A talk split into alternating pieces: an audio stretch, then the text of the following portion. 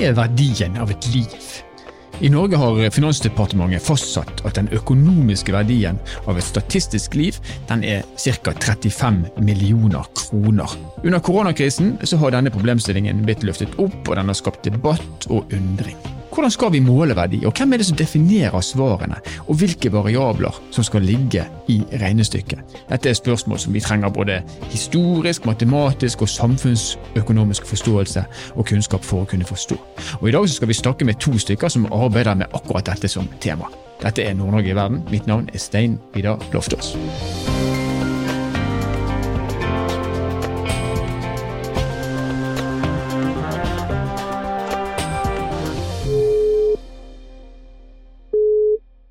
Rune Elvik. Han du hører nå, det er forsker ved Transportøkonomisk institutt, Rune Elvik. Rune Elvik er Norges fremste ekspert på trafikksikkerhet, og han har ikke mindre enn fire doktorgrader om ulike temaer innenfor trafikksikkerhetsområdet.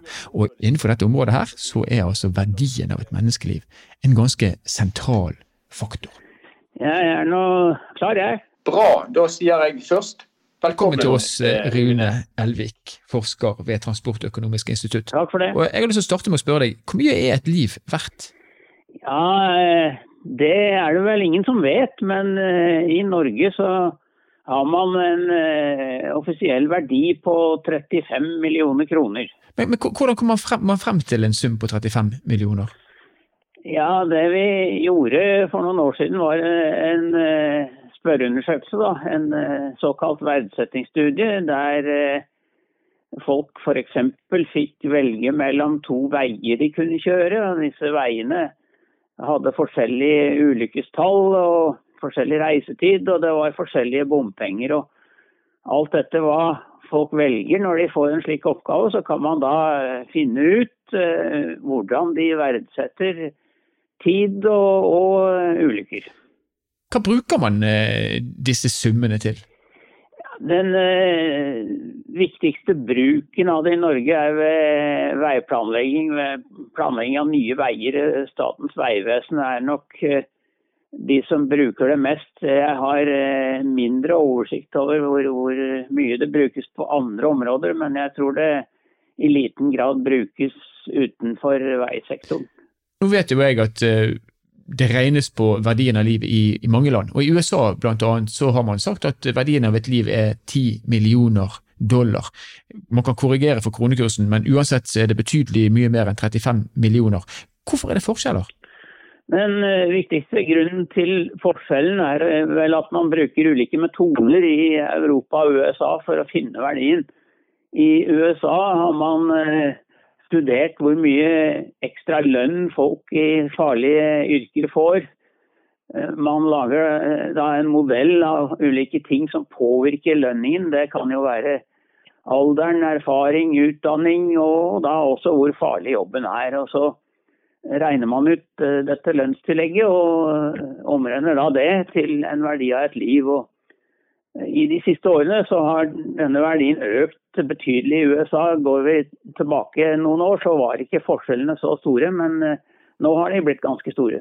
Betyr, betyr det at man, man, anvender disse tallene på forskjellige måter? Altså, jeg vet at I USA så har man eh, brukt disse summene til å fatte politiske beslutninger, sånn som f.eks.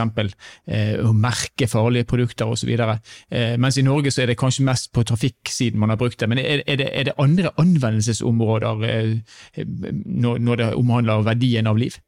Eh, ja, du nevner jo selv i USA har jo dette vært en del brukt innen produktsikkerhet, da. Og også i mye i miljøreguleringer, altså krav til luftkvalitet og krav til utslipp fra biler og slikt noe. Eh, der har det vært mye brukt. Og også innenfor trafikksikkerhet i USA, i likhet med i Norge, så er det mye brukt. Men det anvendes vel i, i, på flere områder da, i USA enn i Norge. Eh, sånn som du ser det, altså det med å sette pris, altså sette, sette en sum på et liv. Eh, er det noen problemstillinger som er spesielt vanskelige? Eh, altså, jeg tenker kanskje spesielt på det etiske rundt det. Eh, ja, de etiske problemene begynner etter min mening hvis man eh, ønsker å variere denne verdien, hvis man ønsker å ha ulike verdier for unge og eldre og, og sånt noe, da får man eh, straks store eh, problemer med å begrunne det. Men avveininger, det kommer vi jo uansett ikke utenom. Og de ressursene vi har til rådighet for å redde liv og helse er jo begrensede uansett. Og selv om vi gjør det tankeeksperiment at man brukte hele bruttonasjonalproduktet til det, så vil jo det også være en endelig sum. Ja. Så, så, eh, selve den tanken om at det finnes en uendelig verdi her, den, eh, den gir ikke mening. for om, om, ikke annet av den grunn at ressursene er begrenset. Og, og, det er mange ting å bruke dem til. Og, og slike valg, det må vi gjøre enten vi vil eller ikke. Og hvis det er umoralsk å gjøre slike valg, da er det mest av det vi gjør umoralsk, faktisk. Ja, men allikevel, altså, du, du, du, du, nevner det sjøl. Når vi sier at eh, livet til en eh, mann på 98 år og et barn på fire måneder eh, verdsettes med samme, samme summen, så er det, en, det er jo en manglende logikk i det, er det ikke det? Ja, det, det etiske utgangspunktet er vel ofte at alle liv har samme verdi, eller er likeverdige. da. Og alle forsøk på uh, diskriminering uh, setter oss ut på et uh, skråplan der det er umulig å få noe fotfeste, og der man jo kan finne det ene argumentet etter det andre for å, å diskriminere. Men selvfølgelig, alle vet jo det. At i praksis så brukes det jo ikke like mye ressurser på å forlenge gamle liv som eh, å forlenge yngre. Og det, det trekkes grenser i, i, helsevesenet også hvis, hvis eh, tilstanden er eh, uhelbredelig og, og, alvorlig, og alderen er høy, så eh, avsluttes vel ofte behandlingen selv om personen med behandling kanskje kunne ha, ha levd i bevisstløs tilstand eller noe sånt noen uker til. Men hvis det handler om en 98-åring eller noe sånt, så ser man vel ofte ikke noe poeng i det. Du har jo ikke noe glede av å leve hvis du er bevisstløs eller, eller ute av stand til å, å, gjøre noe eller noe sånt. Så, så, så, man gjør jo sånne vurderinger, da, men det er jo fra tilfelle til tilfelle, gang til gang. og og ofte i samråd med pårørende og andre, og sånt, sånn at man er, er enige om det. da. Så summen er lik, men skjønnet som anvendes, det anvendes på forskjellig måte? Ja, altså i, i helsevesenet så er jo uh, problemstillingen en annen enn den er uh, i trafikken. Når vi bruker disse beløpene uh, i trafikken, så snakker vi jo om å, å, å, hindre dødsfall der og redusere dem. Men vi vet jo ikke på forhånd hvem det er som Eh, kom til å dø. Og vi vet heller ikke hvem det er som unngikk å dø, som ble reddet pga. de tiltakene gjennomførte. Det er anonyme statistiske liv det handler om. Ja. I helsevesenet derimot så står man jo ansikt til ansikt med konkrete mennesker. Og eh, da er det forståelig nok, syns jeg, motstand mot å ha en, en, regel, et beløp eller en annen regel som sier at nå, nå må vi slutte, nå har vi ikke råd til det her mer og si til nei, sorry Jensen, denne kreftoperasjonen blir for dyr, så det, det har vi ikke råd til. Det, det, ville være krenkende naturligvis å bli møtt med, med slike argumenter. Så, så, man eh, gjør ikke det i de konkrete tilfellene. Men det, det er nok i realiteten mer akseptabelt når det handler om risiko og mennesker vi ikke kjenner, og, og, og kalle det abstrakte statistiske størrelser. Ja. Da er det nok mer akseptabelt å, å tenke slik økonomisk. Ja. Litt mer distanse til de livene det handler om. Men Rune, du har jobba i en jeg må nesten kunne si, i nærmest en mannsalder med trafikksikkerhet. Og det er lett å, å se paralleller ved trafikksikkerhet og det som nå skjer under koronakrisen. Men de færreste dør jo i trafikken. Antallet dødsfall i trafikken er vel ned, i, ned imot 100 i året. Men likevel så bruker vi betydelig med ressurser for å få ned disse ulykkene ytterligere. Ja. Hvor setter man egentlig grensen? Vi bruker vel eh, en, eh, omkring 13 milliarder eh, kroner i året på ulike trafikksikkerhetstiltak. Og det er jo sånn i trafikken at jo lavere ned vi kommer, og vi er jo nå litt over 100 som du nevnte, desto dyrere blir det. Så Før eller siden så må vi vel eh, stille spørsmålet om det blir for dyrt, og om vi nå har kommet ned i et såpass lavt antall drepte i trafikken at vi slår oss til ro med det.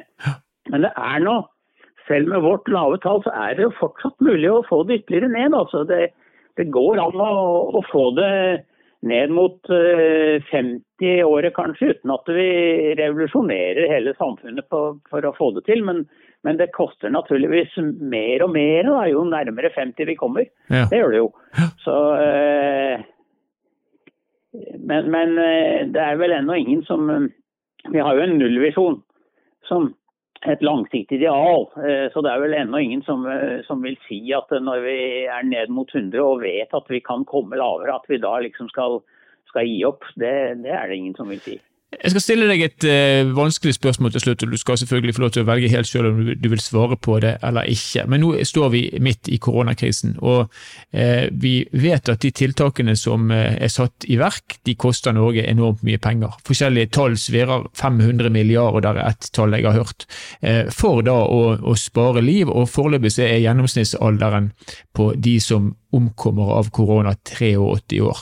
Er dette her sett ut ifra den statistiske verdien på et liv. Er det fornuftig, et fornuftig handlingsmønster, sånn som du ser det?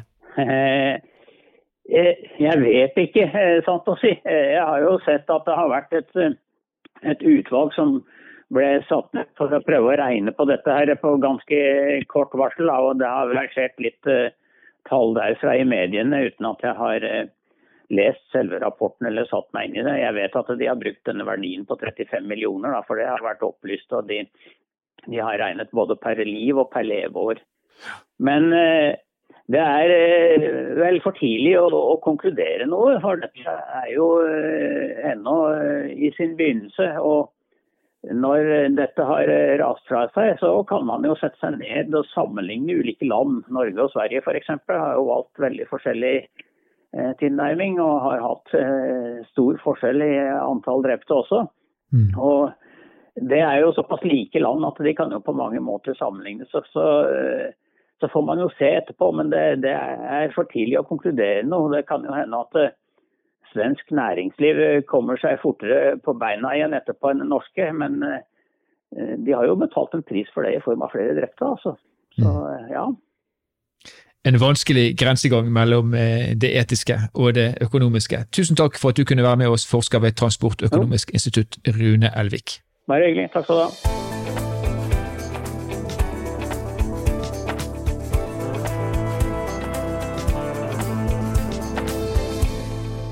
Rune Ellevik han eh, mener da altså at et eh, menneskeliv eh, kan man godt si er verdt 35 millioner kroner, eller for den saks skyld 100 millioner, som tilfellet er i, i, USA. Nå skal vi snakke med Marie Storli, hun er leder av Rethinking Economics. Samfunnsøkonom, kommer fra Tromsø egentlig. Og aller først, hva er Rethinking Economics for noe? Jo, du, Rethinking Economics ble opprinnelig starta som en studentbevegelse i Storbritannia i kjølvannet av finanskrisa. Men her i Norge så starta det en uh, avart av Rethinking Economics uh, så sent som i 2016.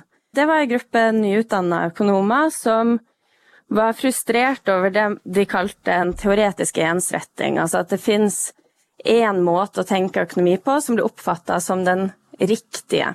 Så målet med Rethinking Economics i Norge har vært å skape et miljø der man kan eh, snakke om andre former for økonomisk teori, og skape et miljø der man dyrker en, en fagdebatt eh, og legger til rette for fagkritikk. Og for at det skal gi litt mening, da, så hører det jo med til historien at økonomistudiet i dag er prega av lite rom for fagdebatt. Altså, studenter blir ikke oppfordra til å kritisere det de lærer eh, på studiet.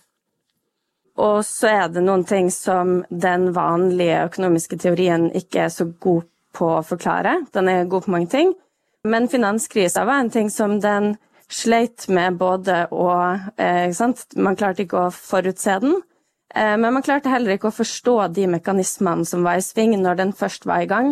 Og det gjorde at eh, de som studerte økonomi på den tida, i hvert fall en del av de, oppdaga at det var lite rom for å snakke om de tingene som skjedde i verden ja, etter 2007-2008. Men hva tenker du når du hører politikere og si, klassiske økonomer da, eh, si nå, og flere og flere gjør jo det, at tiltakene for å slå ned spredningen av koronaviruset er i ferd med å nå en økonomisk smerteterskel for samfunnet? Altså det koster mer enn det, enn det gir. Hva tenker du når du hører det?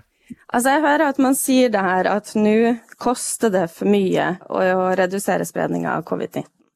Eh, og det belyser det som jeg føler jeg har sett en stund, at økonomi er et fag som liker å blande seg i de tingene som egentlig tilhører andre fagfelt. Og akkurat her med denne pandemien så har vi jo epidemiologer som har spesialisert seg på epidemier.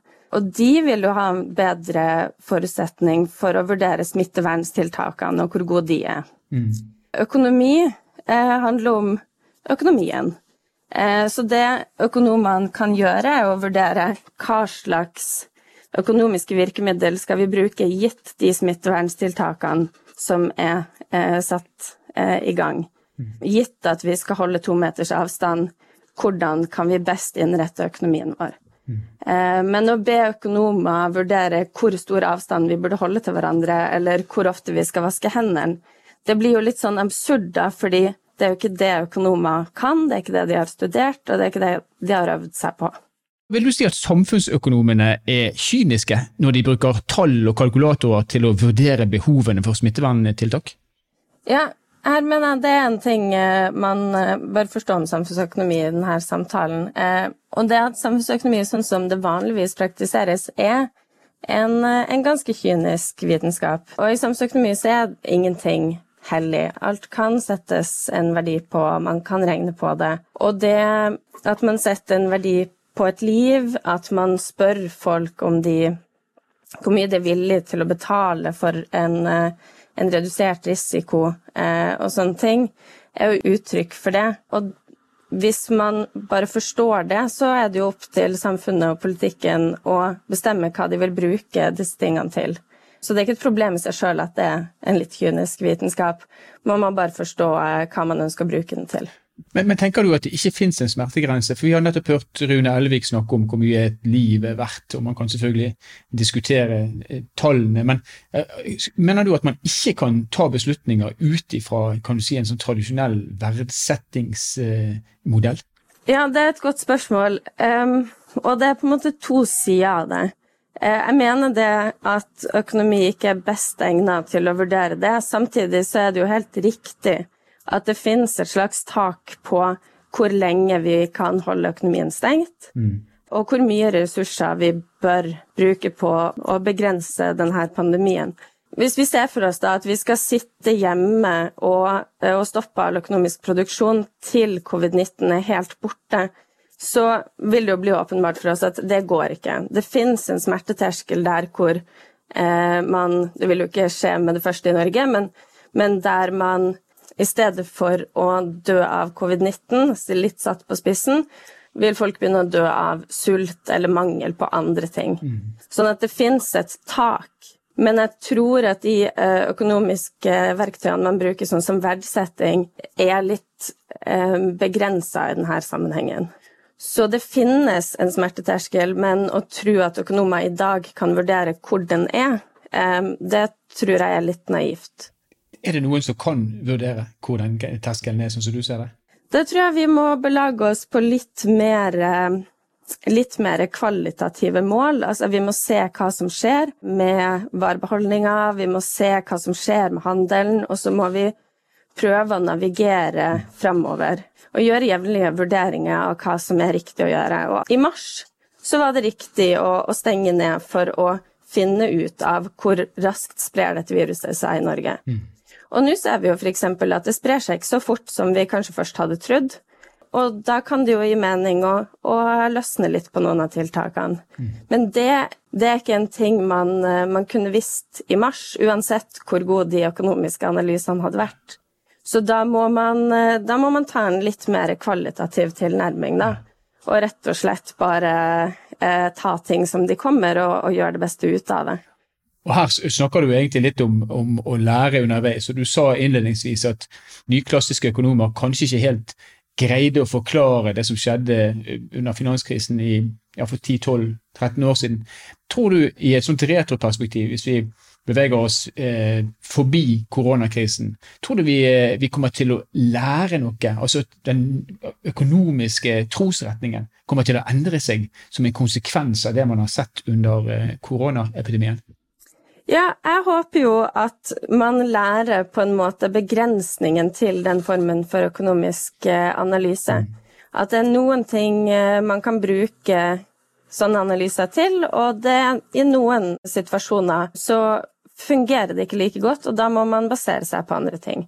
Jeg håper at vi som samfunn oppdager at det er lov til å lage politikk eh, som ikke er basert på økonomiske verdier. Vi kan, vi kan ha andre prioriteringer også. Og her har jo en prioritering vært å begrense spredning av et virus. Det er andre eksempler på, på prioritering man kan gjøre, som ikke nødvendigvis lar seg argumentere for med en økonomisk eh, verdsettingsanalyse eller en kost-nytte-analyse. Hva tror du er det viktigste eh, vi kommer til å sitte igjen med når vi er ferdig med koronakrisen, sett i et økonomisk perspektiv? Ja, det er mye diskusjon for tida, kanskje spesielt i USA, om en eh, ny pengeteori. Den heter Modern Monetary Theory. Og om det er akkurat den som vil bli stående, det er det for tidlig å si. Men jeg tror at um, vi er i ferd mm. med å i, sant, i økonomimiljøet å diskutere mer hva penger er, hvordan pengesystemet fungerer. Og det ser for meg ut som at det er en ting som vil komme ut av den situasjonen her. At vi uh, redefinerer litt hvordan vi ser på statlig pengebruk. Det er jo ikke en helt ny ting. Den teorien er noen ti år gammel, og den ble mer relevant under finanskrisa, men nå ser den ut til å ha et enda større momentum enn den hadde før. Og det den eh, teorien sier, litt sånn forenkla, er at det trenger ikke å være et likhetstegn mellom det staten tar inn i skatt, og det staten bruker over statsbudsjettet. Og det er en helt ny måte å, å, tenke, å tenke, økonomisk politikk på. Eh, og så skal jo den kritiseres, og man skal debattere opp og ned, og, og kanskje lande på en litt annen teori. Men i nyklassisk eh, teori så finnes det ingen konsistent teori om hva penger er, og hvordan de fungerer. Så det vil jo kanskje være, være en, en utvikling, da. Det blir interessant å, å se. Jeg, jeg, jeg, har lyst til å spørre deg om en helt konkret ting. fordi Du har en kronikk, eh, hadde en kronikk på trykk i Morgenbladet for en tid tilbake. Det, ja, det er ikke så mange dagene siden. Eh, å regne med en katastrofe, eller å regne med en katastrofe. Jeg vet ikke hvor jeg skal legge trykket. Men et sted i den kronikken så skriver du følgende. Det bør være slik at målet med økonomi er å bidra til mest mulig verdi for oss mennesker. Og hva legger du da i begrepet verdi? Ja, det er jo selvfølgelig et åpent ord som ikke har en spesielt god definisjon, men eh, hvis man tenker livskvalitet, da, eh, så vil jo det være, være, i nærheten av det jeg mener her. Og det jeg skriver der, er jo på et vis at det er ikke sånn at våre liv skal bidra til at økonomien fungerer, men økonomien skal bidra til at våre liv blir gode. Jeg syns man noen ganger i den økonomiske debatten faller over i en sånn derre at det største målet er økonomien sjøl. Det gjelder også i, i, de økonomiske debattene om klimaendringer, f.eks. Men målet med økonomien må jo være å bidra til at menneskeheten lever så gode liv som mulig. Og da er ikke en fungerende økonomi et mål i seg sjøl, det er bare et mål så lenge det bidrar til livskvalitet. Og det tror jeg de fleste økonomer er enig i. Det er ikke i utgangspunktet en kontrovers, det. Men noen ganger så virker det som om man glemmer det litt. Og det handler jo om mange ting, men blant annet så er det i mange modeller og teorier så setter man et slags likhetstegn mellom BNP og livskvalitet i befolkninga. Eller man bruker BNP som en indikator på, en måte, på hvor mye verdi menneskene i det samfunnet opplever. Men vi vet samtidig at det ikke er et én-til-én-forhold mellom de størrelsene. Og da må vi ta det til etterretning, og, og noen ganger eh, sette andre verdier over eh, BNP. Men Hjelp meg å forstå, for hvis ikke vi skal kvantifisere og ikke sette tall på det, hvordan skal vi da måle det? Hvordan måler man livskvalitet eller lykke? Altså, Da må man jo sette tall på ting. En mulighet er jo å bruke både BNP, men også andre ting. Og det er det gjort mange forsøk på. Eh, man kan jo spørre folk hvordan de har det, man kan se hvor lenge de lever. Man kan gjøre en rekke ting, og ingen av de målene vil, vil være perfekt.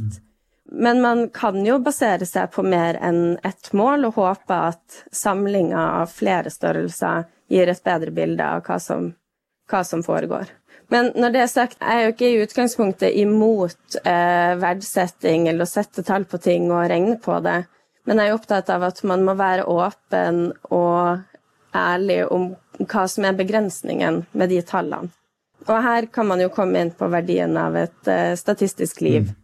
Det er jo et tall man uh, kan bruke, og man bruker det til en del ting. Men det er ikke gitt mm. at det tallet egner seg så godt til å vurdere alle typer ting. Og denne pandemien er jo et eksempel på det.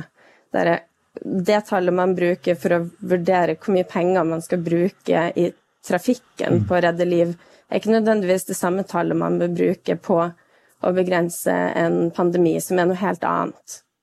Kvalitativt er de forskjellige. Det kan likevel eksistere et tall, men å tro at akkurat det tallet der er det riktige, det, det tror jeg er for enkelt. Helt til slutt, eh, Marie, skal jeg stille deg et spørsmål som, eh, ja, som om ikke de andre spørsmålene har vært vanskelige nok, som kanskje er enda vanskeligere for deg å svare på. Men hvis du ser på måten Norge har håndtert koronakrisen på, i et økonomisk perspektiv, da, kontra det, eh, den måten andre land har håndtert dette på. Hva, hva er riktig? Det har vært litt eh, Vi liker jo å sammenligne oss med våre naboland. Og det har jo vært litt eh, debatt rundt det her at man har gjort det veldig enkelt i Norge å permittere arbeidstakere, mens i Danmark så har de gått inn og subsidiert lønna til de som holdes i arbeid. Og det tenker jo jeg umiddelbart kanskje er en en bedre løsning å betale for at folk jobber, i stedet for å betale for at de ikke jobber.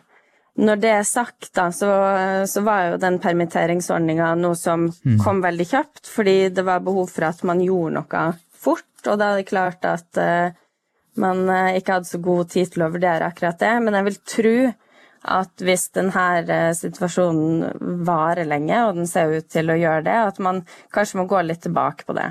For det er klart, da kunne man jo holdt folk i jobb, og eh, så ville de vært mindre produktive enn de ellers var, men det hadde ikke kosta så mye for bedriften. Og så kunne de brukt sin tid på å prøve å tilpasse seg og sin virksomhet den nye situasjonen, og digitalisere ting eh, eller sånne ting. Mens når du er permittert, så har du jo faktisk ikke lov til å jobbe. Eh, så da er man jo ikke produktiv i det hele tatt. Og litt produktiv vil jo kanskje være bedre enn ikke. Men eh, når det er sagt, så syns jeg den norske responsen har vært veldig god, og all kreds til, eh, til de som har utforma de krisepakkene. Det virker for meg som at det er et bredt politisk flertall og masse økonomer som har bidratt eh, godt inn i den prosessen. Tusen takk for at du kunne være med oss, Marie Storli, leder av Rethinking Economics. Jo, takk til dere.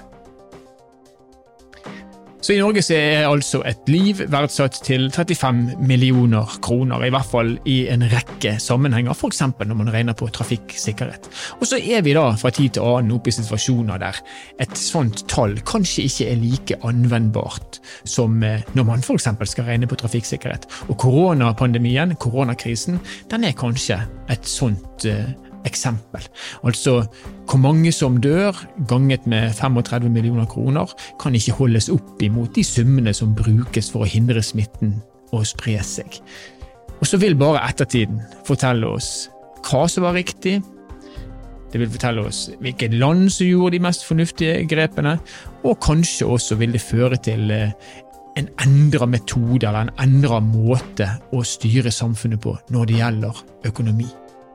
Nord-Norge i verden er produsert av Sparebank1 Nord-Norge i samarbeid med Helt Digital. Musikken du har hørt er laget av Emil Karlsen. Mitt navn er Stein Vidar Loftaas, og vi høres igjen i neste episode.